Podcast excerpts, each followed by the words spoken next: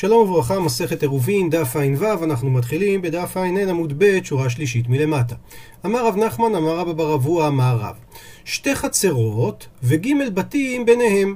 זה בא דרך זה ונותן עירובו בזה, וזה בדרך זה ונותן עירובו בזה, הפכנו דף.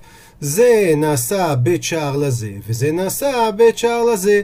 אמצעי, הווה לבית שמניחים בו עירוב, ואין צריך ליתן את הפת. בואו נראה רש"י בדף הקודם. אומר רש"י, ג' בתים ביניהם, בית זה פתוח לחצר זו, וזה לזו, ובית אמצעי פתוח לשני הבתים. כמו הציור הבא, יש לנו שתי חצרות, ובין שתי החצרות יש שלושה בתים, כאשר כל בית קיצוני פתוח לחצר שלו, ויש בית אמצעי שהוא פתוח רק לשני הבתים שלידו. אומר רש"י, זה בדרך זה, בין חצר זו, בדרך בית הפתוח לו. לכן נתן עירובו באמצעי, ועשה את הבית הפתוח לו כבית שער לעבור דרך עליו לאמצעי. ואותו דבר מהצד השני, וכן בן חצר האחרת, עשה בית הפתוח לו כבית שער, ועירב באמצעי דרך לחצר האחרת. אז אין אחד מדיורי הבתים האלה, דהיינו מהבתים הקיצוניים, צריך ליתן פת. למה? אלו משום בית שער, הם לא צריכים לתת, והאמצעי לא צריך לתת משום בית שמניחים בו עירוב. נמשיך ברש"י למעלה, כל בית נעשה בית שער לחצר, שהוא פתוח לו. מספרת הגמרא, בדיק להו רחבה לרבנן. בדיק הכוונה עשה להם בוחן, היה מנסה, הם חכמו להשיב, ושאל אותם ככה, שתי חצרות ושתי בתים ביניהם. זה בא דרך זה ונתן עירובו בזה, וזה בא דרך זה ונתן עירובו בזה. האם קנו עירוב או לא? מסביר לנו רש"י את המציאות. שתי חצרות ושני בתים ביניהם, ואין בני שתי חצרות רוצים לערב זו עם זו, אלא כל אחת רוצה לערב לעצמה. וכל חצר לא הניחה עירובה בבית הפתוח לה, אלא היא עשתה אותו בית שער, שבבית שער לא צריך לתת, והניחה את העירוב בבית הפתוח לחברתה.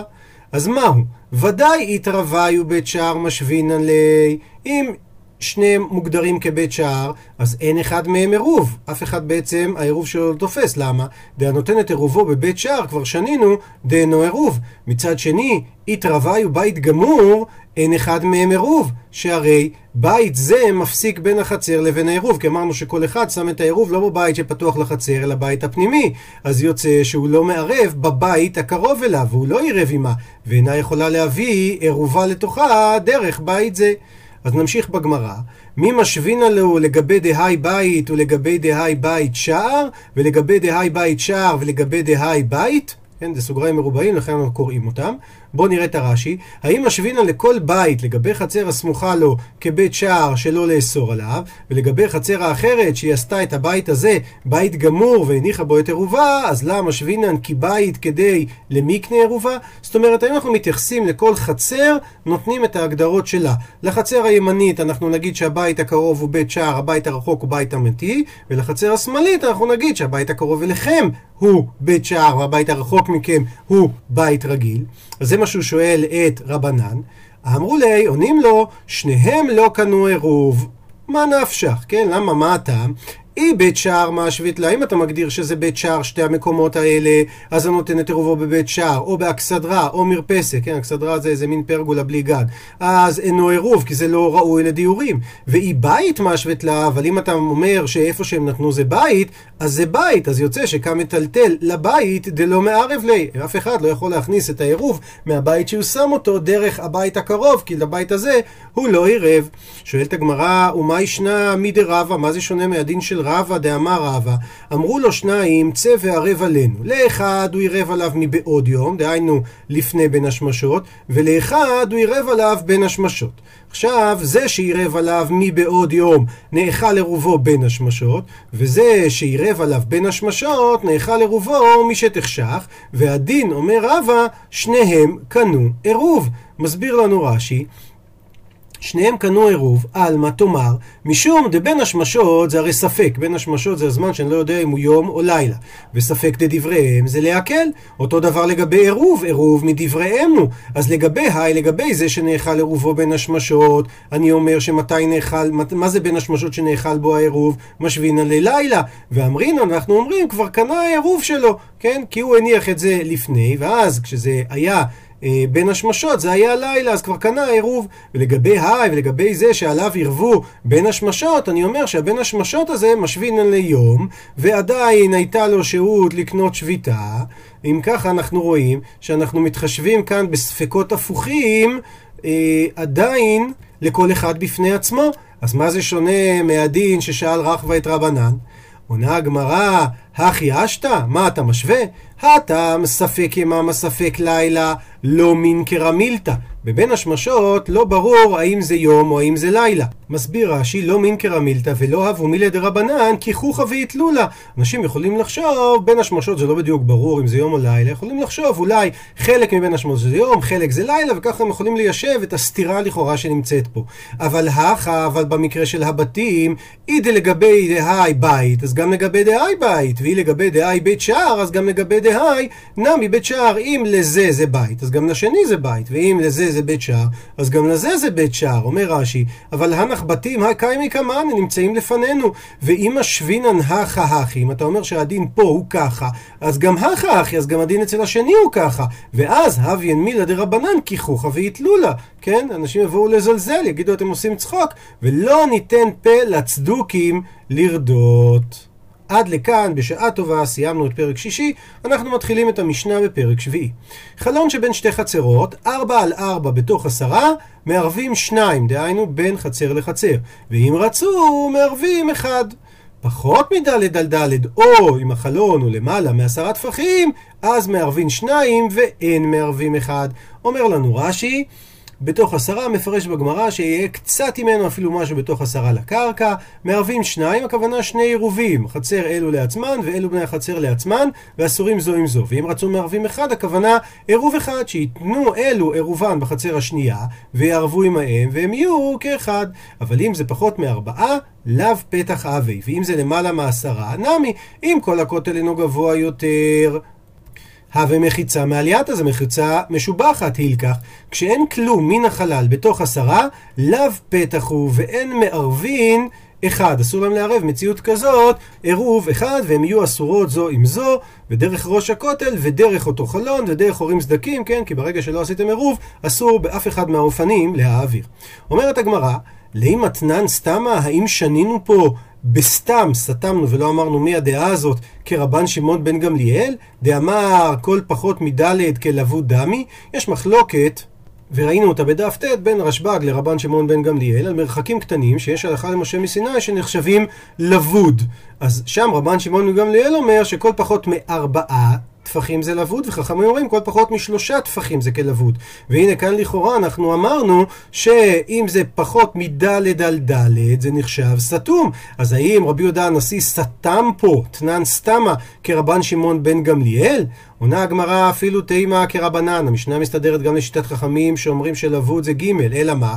עד כאן לא פליגי רבנן על ידי רשב"ג, אלא לעניין לבודין. באמת לעניין לבוד יש מחלוקת, אבל לעניין פיתחה, המשנה פה מדברת על עניין פתח, ועל זה אפילו רבנן מודו, גם בזה חכמים מודים, דאי איכא, דאם יש ארבע על ארבע חשיב, אז זה נחשב פתח, ואי לא, לא חשיב, אז המחלוקת לעניין לבוד לא קשורה למחלוקת על מתי אנחנו מחשיבים משהו כפתח.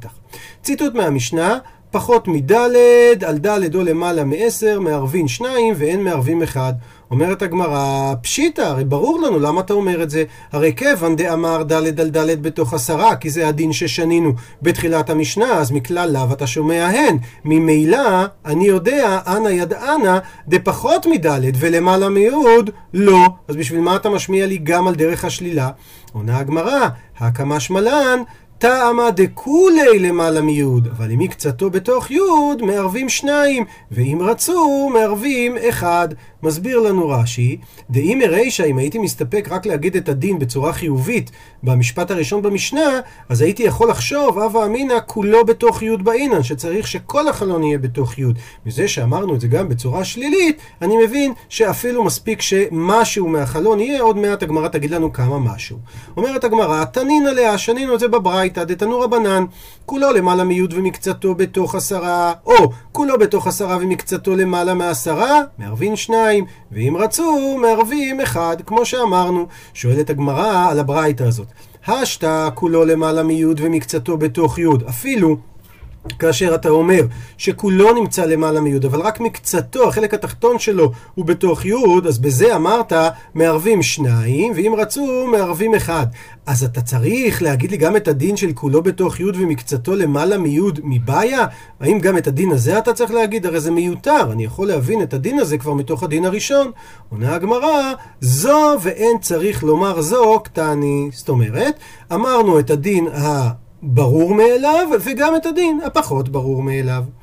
אמר רבי יוחנן, חלון עגול צריך שיהיה בהיקפו 24 טפחים, ושניים ומשהו מהם בתוך העשרה, שאם ירבענו, נמצא משהו בתוך י'. בואו נראה את ההסבר של רש"י. צריך שיהיה בהיקפו 24, למה? דבלאו אחי לא מצית למינקת בגבי חלון מרובע ד' על ד'. למה? זאת אומרת, כדי שיהיה לך חלון 4 על 4, אם אתה מקיף אותו בעיגול, בעיגול צריך להיות היקף של 24. מסביר רש"י, כל חלון עגול בתחתית אמצעיתו הוא נמוך, ומאמצעיתו לכאן ולכאן הוא מגביה והולך. אז צריך לזה שיהיו שני טפחים ומשהו אורך מההיקף בתוך י' מהאמצע לכאן טפח ומאמצעו לכאן טפח ועוד משהו ועוד קצת. למה? משום דקי מרבעינן לי כי אם אתה תרצה לסתום ולרבע את החלון לארבע על ארבע מנדלינן למיני אז יצא שאנחנו מורידים שני טפחים מן ההיקף את העיגול שבין קרן לקרן לכל צד. בואו נראה את זה בציור אנחנו רוצים להגיע למצב שבו יש לנו חלון 4 על 4, ואם יש לך חלון עגול, אז אומר רש"י את ההסבר הזה. כאן יש לנו את המילים של רש"י, ובואו נראה את זה במקביל. כל חלון עגול, בתחתית אמצעיתו הוא נמוך, ומהאמצע לכאן ולכאן, לכל אחד משני הצדדים, הוא מתחיל להיות מגביה, כן? עכשיו, צריך לזה שיהיו שני טפחים ומשהו אורך מהיקפו בתוך י', מאמצעו לכאן טפח ומאמצעו לכאן טפח, דהיינו, מה שמופיע פה כב' וקצת ג', אז זה השני טפחים ומשהו לכל צד, ואז יוצא לך שכאשר אנחנו נסתום את החלון, בין כל קרן וקרן, דהיינו בצדדים של החלון המרובע הזה, אז השני טפחים, כן, א' וב', והעוד משהו שזה כבר מגיע לאמצע הג', אלה חייבים להיות בתוך הגובה של עשרה טפחים. אם אנחנו נעשה את זה בצורה כזאת, אז אם יסתמו עד הגובה הזה, אנחנו נוכל לרבע חלון ד' על ד'. תוספות לא מקבל את הפירוש הזה, והוא אומר, אלא כמו שפירש ריבן, שמדובר על שני טפחים ומשהו זקופים מלמטה למעלה. והוא עושה את החשבון שהחלון הוא שמונה טפחים על שמונה טפחים, כי ארבע על ארבע יצא לך בעצם מציאות של שמונה, מאחר דביגולו כ"ד טפחים, אז על כל כך באמצעו שמונה טפחים. זה הקוטר. למה? כי כל שבהיקפו שלושה טפחים, יש ברוחבו טפח, ואז כשתסיר שני הטפחים מלמטה, וכן מלמעלה, וכן משני הצדדים, יישארו לך ד' על ד', לכן צריך שיהיה החלון שני טפחים ומשהו בתוך י', הכוונה באורך זקיפת החלון באמצעיתו, כדי שיישארו לך מהמרובע בתוך עשרה, דהיינו באופן הבא. מורידים שניים מכל כיוון, אז שניים ומשהו מהאמצע גובה יישאר לך את הריבוע ד' על ד'. שואלת הגמרא, מכדי, הרי אנחנו יודעים כל שיש בהיקפו שלושה טפחים, יש ברוחבו טפח, זאת אומרת היחס בין הרוחב לבין ההיקף זה 1 ל-3, אז אם ככה בתריסר סגיה, אם אנחנו רוצים להגיע לרוחב 4, אז מספיק שהיחס יהיה שההיקף הוא 12, אנחנו הופכים דף. עונה הגמרא, נימילה בעיגולה, אבל בריאוע בעינן תפי, אומר רש"י, הנו במילי דעיגולה כדת רוחב דבר עגול, כמו שדבר עגול הוא. אז באמת אתה צודק, זה טפח, אבל, כן, ודעת רוחב עיגול, אז אין רוחבו אלא באמצעו. אבל אנחנו מחפשים רוחב ד' כדין מרובע, אז בעניין שהרוחב בדפנות יהיה כמידת אמצעו, לא רק, לא רק באמצע. אז אומרת הגמרא, אין בעיה. מכדי כמה מרובע יתר על העיגול רביע. אנחנו יודעים שהיחס בין מרובע לבין העיגול שבתוכו זה רביע. אז בשיצר סגיה, דהיינו באופן הבא, אם העיגול שדיברנו עליו קודם הוא 12, ואנחנו רוצים עכשיו להגיע ל-4 על 4, אז אם ככה אנחנו צריכים היקף של 16. עונה הגמרא, אני מילי עיגולה דנפיק מגו ריבוע. זה כאשר העיגול אה, נמצא שהריבוע חסום בתוך העיגול, אבל ריבוע דנפיק מגו עיגולה, אבל כשהעיגול חסום בתוך הריבוע, אז באינן תפי, אז אנחנו צריכים יחס יותר גדול. מה היא טעמה? משום מורשה דקרנתא, בגלל הקרנות שלא נמצאות אומר לנו את זה רש"י, אבל הכא דבית למינקת הריבוע, עכשיו אתה רוצה ריבוע ארבע על ארבע, וההיקף זה שיצר, דהיינו ארבע לכל רוח, אז בברכו עיגולה לבד, מי דמדלית מעיגולה, בהיקף התפי, כדי למינקת בגבי מורשה דריבוע, דאה ודלת הן ואלכסונן. הרי בעצם... אתה רוצה עכשיו ריבוע ד' על ד', והעיגול הוא לא העיגול הפנימי, אלא אתה רוצה עיגול חיצוני, והעיגול הזה צריך להכיל גם את האלכסונים של הקרנות, כי גם אותם הוא צריך להכיל. אז ממשיכה הגמרא לשאול, מי כדי כל אמתה בריבוע זה אמתה ותרחום שבאלכסונה, משפט פיתגורס. היחס בין האמה, הצלע בריבוע, זה אומר שהאלכסון יהיה כפול שורש 2, אמה ותרחומשי. אז אם ככה, בשיב סרנה כחומשה סגיה, מסביר לנו רש"י, מקדה כל אמתה סגי ללאה עיגולה בפוטיה דדלת טפחים ואלכסונה בעיגולה.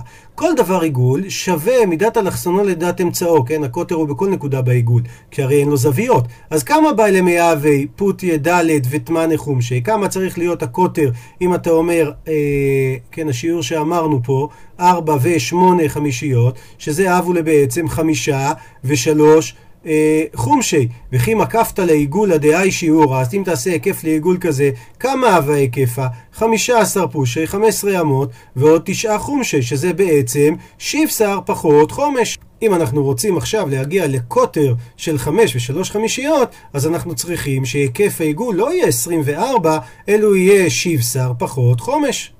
עונה הגמרא, רבי יוחנן אמר כי דיינה דקיסריה ואמר לה כרבנן דקיסריה. הוא הנוסחה שהייתה לו, זה הנוסחה של הדיינים או של החכמים בקיסריה, שהם אמרו עיגולה מגו ריבוע ריבעה, באמת כמו שאמרנו קודם, אבל ריבוע מגו עיגולה פלגה שצריך להוסיף חצי רש"י, ריבוע מגוי עיגולה פלגה באי למשקל מיני, צריך להוסיף עליו עוד חצי פלגה, דהי שיעורא דפאי, שזה שיעור שמתווסף, היינו תליטה, זה עוד שליש, דמעיקר אהבו ליתמניה מ-24, ונשארו שיצר 16, וסביר עליה דכל אלכסונה אחי אבי, אז הוא הלך לפי נוסחה כזאת. לתוספות דרך אגב מאוד קשה עם הנוסחה הזאת, והוא אומר, קשה, היאך טעו דייני דקיסרי, הרי ככה זינא דלאו אחי, מה לא היו בשיעורי מתמטיקה? אז איך הם אמרו את הדבר הזה? לכן תוספות יש לו העמדה מעניינת. הוא אומר שיש מפרשים דדיינה דקיסריה לא דיברו אלא לעניין קרקע שבתוך ריבוע ועיגול. לעניין זה דבריהם אמת, ועושה לנו פה חשבון. כשתעשה ריבוע שתי אמות על שתי אמות, ותעשה עיגול בפנים שתיים על שתיים, ועוד ריבוע בתוך העיגול, כמו הציורים האלה, אז תמצא בריבוע החצון יש ארבע חתיכות של אמה על אמה, ובעיגול מתוך הריבוע יש שלוש חתיכות של אמה על אמה, אז זה עונה על המשפט שמרובע יותר על העיגול רביע, ובריבוע הפנימי אין בו כי אם שתי ריבועים כאלה, שהרי הוא חציו של חציון, וזה מה שבעצם הם אמרו, תלת פחות מן העיגול, כן, שזה בעצם פלגה. נמשיך בגמרא, ציטוט מהמשנה, פחות מדלת לדלת וכולי, אמר רב נחמן לא שנו אלא חלון שבין שתי חצרות, אבל חלון שבין שני בתים, אפילו אם הוא בגובה למעלה מעשרה, נמי. אם רצו לערב, אין את ההגבלה והם יכולים לערב אפילו עירוב אחד. מה הייתה? מה, מה ההבדל בעצם בין בית לחצר? ביתא כמאן דמלי דמי. הבית הוא נחשב כדבר מלא, יש שם ספסלים, שולחנות, אתה יכול להגיע גם מעבר לזה. הייתי ורב לרב נחמן שואל אותו, הרי יש ברייתא שאומרת, אחד לי חלון שבין חצרות ואחד לי חלון שבין שני בתים, ואחד לי חלון שבין שתי עליות, ואחד לי חלון שבין שתי גגים, ואחד לי חלון שבין שתי חדרים, כולם, כל סוגי החלונות האלה צריכים להיות ד' על ד' בתוך עשרה. הנה כל סוגי החלונות, חלון בין חצרות, חלון בין בתים, חלון בין עליות, דהיינו בקומה השנייה, וחלון בין הגגות, כל החלונות האלה הם אותו דבר. אז איך אתה אמרת שבתוך הבית מספיק עשר, כאילו יותר מעשר בגובה ולא צריך עשר, תרגומה, תתרגם את זה שמה שהם אמרו, אחד לי ואחד לי, זאת אומרת המכנה המשותף, הם דיברו רק על החלונות של החצרות. אומרת הגמרא לא יכול להיות, והאחד לי קטני, זה מכנה משותף לכולם.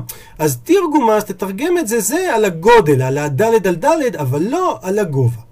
בא מיני רבי אבא מרב נחמן. לול הפתוח מן בית לעלייה, האם הוא צריך סולם קבוע להתירו, או אין צריך סולם קבוע להתירו? לול, אומר רש"י, זה ערובה בקרקעית העלייה, והעלייה היא גבוהה מהקרקע הרבה. האם אנחנו אומרים שהביתא כמאן דמאלי דמי, כמו שאמרנו, לכן אבי כמאן דלא גבוה עשרה ואין צריך סולם קבוע להיות שם במקום הפתח להתירם לערב, זה עם זה, או לא אמרינן כמאן דמאלי דמי, ולכן כן צריך סולם, כן? והנה כאן בלשון הגמרא. כי אמרינן ביתא כמאן דמעלי דמי, אני מילא אולי רק בפתח מהצד, אבל אם הפתח הוא באמצע הבית, אז אולי לא אומרים את זה. או דילמה לא שנה, או שאומרים שזה לא משנה, בכל מקום בבית זה יהיה הגובה. אמר לי, אינו צריך לא צריך סולם. הוא סבור מן ההוא, חשב שהכוונה לא צריך סולם קבוע הוא, דאינו צריך. הסולם ארעי כן צריך, אבל כן צריך את האמצעי שיאפשר לו לעלות למעלה. בכל זאת אומרת הגמרא, איתמר, אמר על זה רב יוסף בר מניומי, אמר רב נחמן, שזה לא ככה. אחד סולם קבוע ואחד סולם ארעי, אינו צריך, אלא הבית נחשב כמאן דמאלי דמי. עד לכאן, דף ע"ו.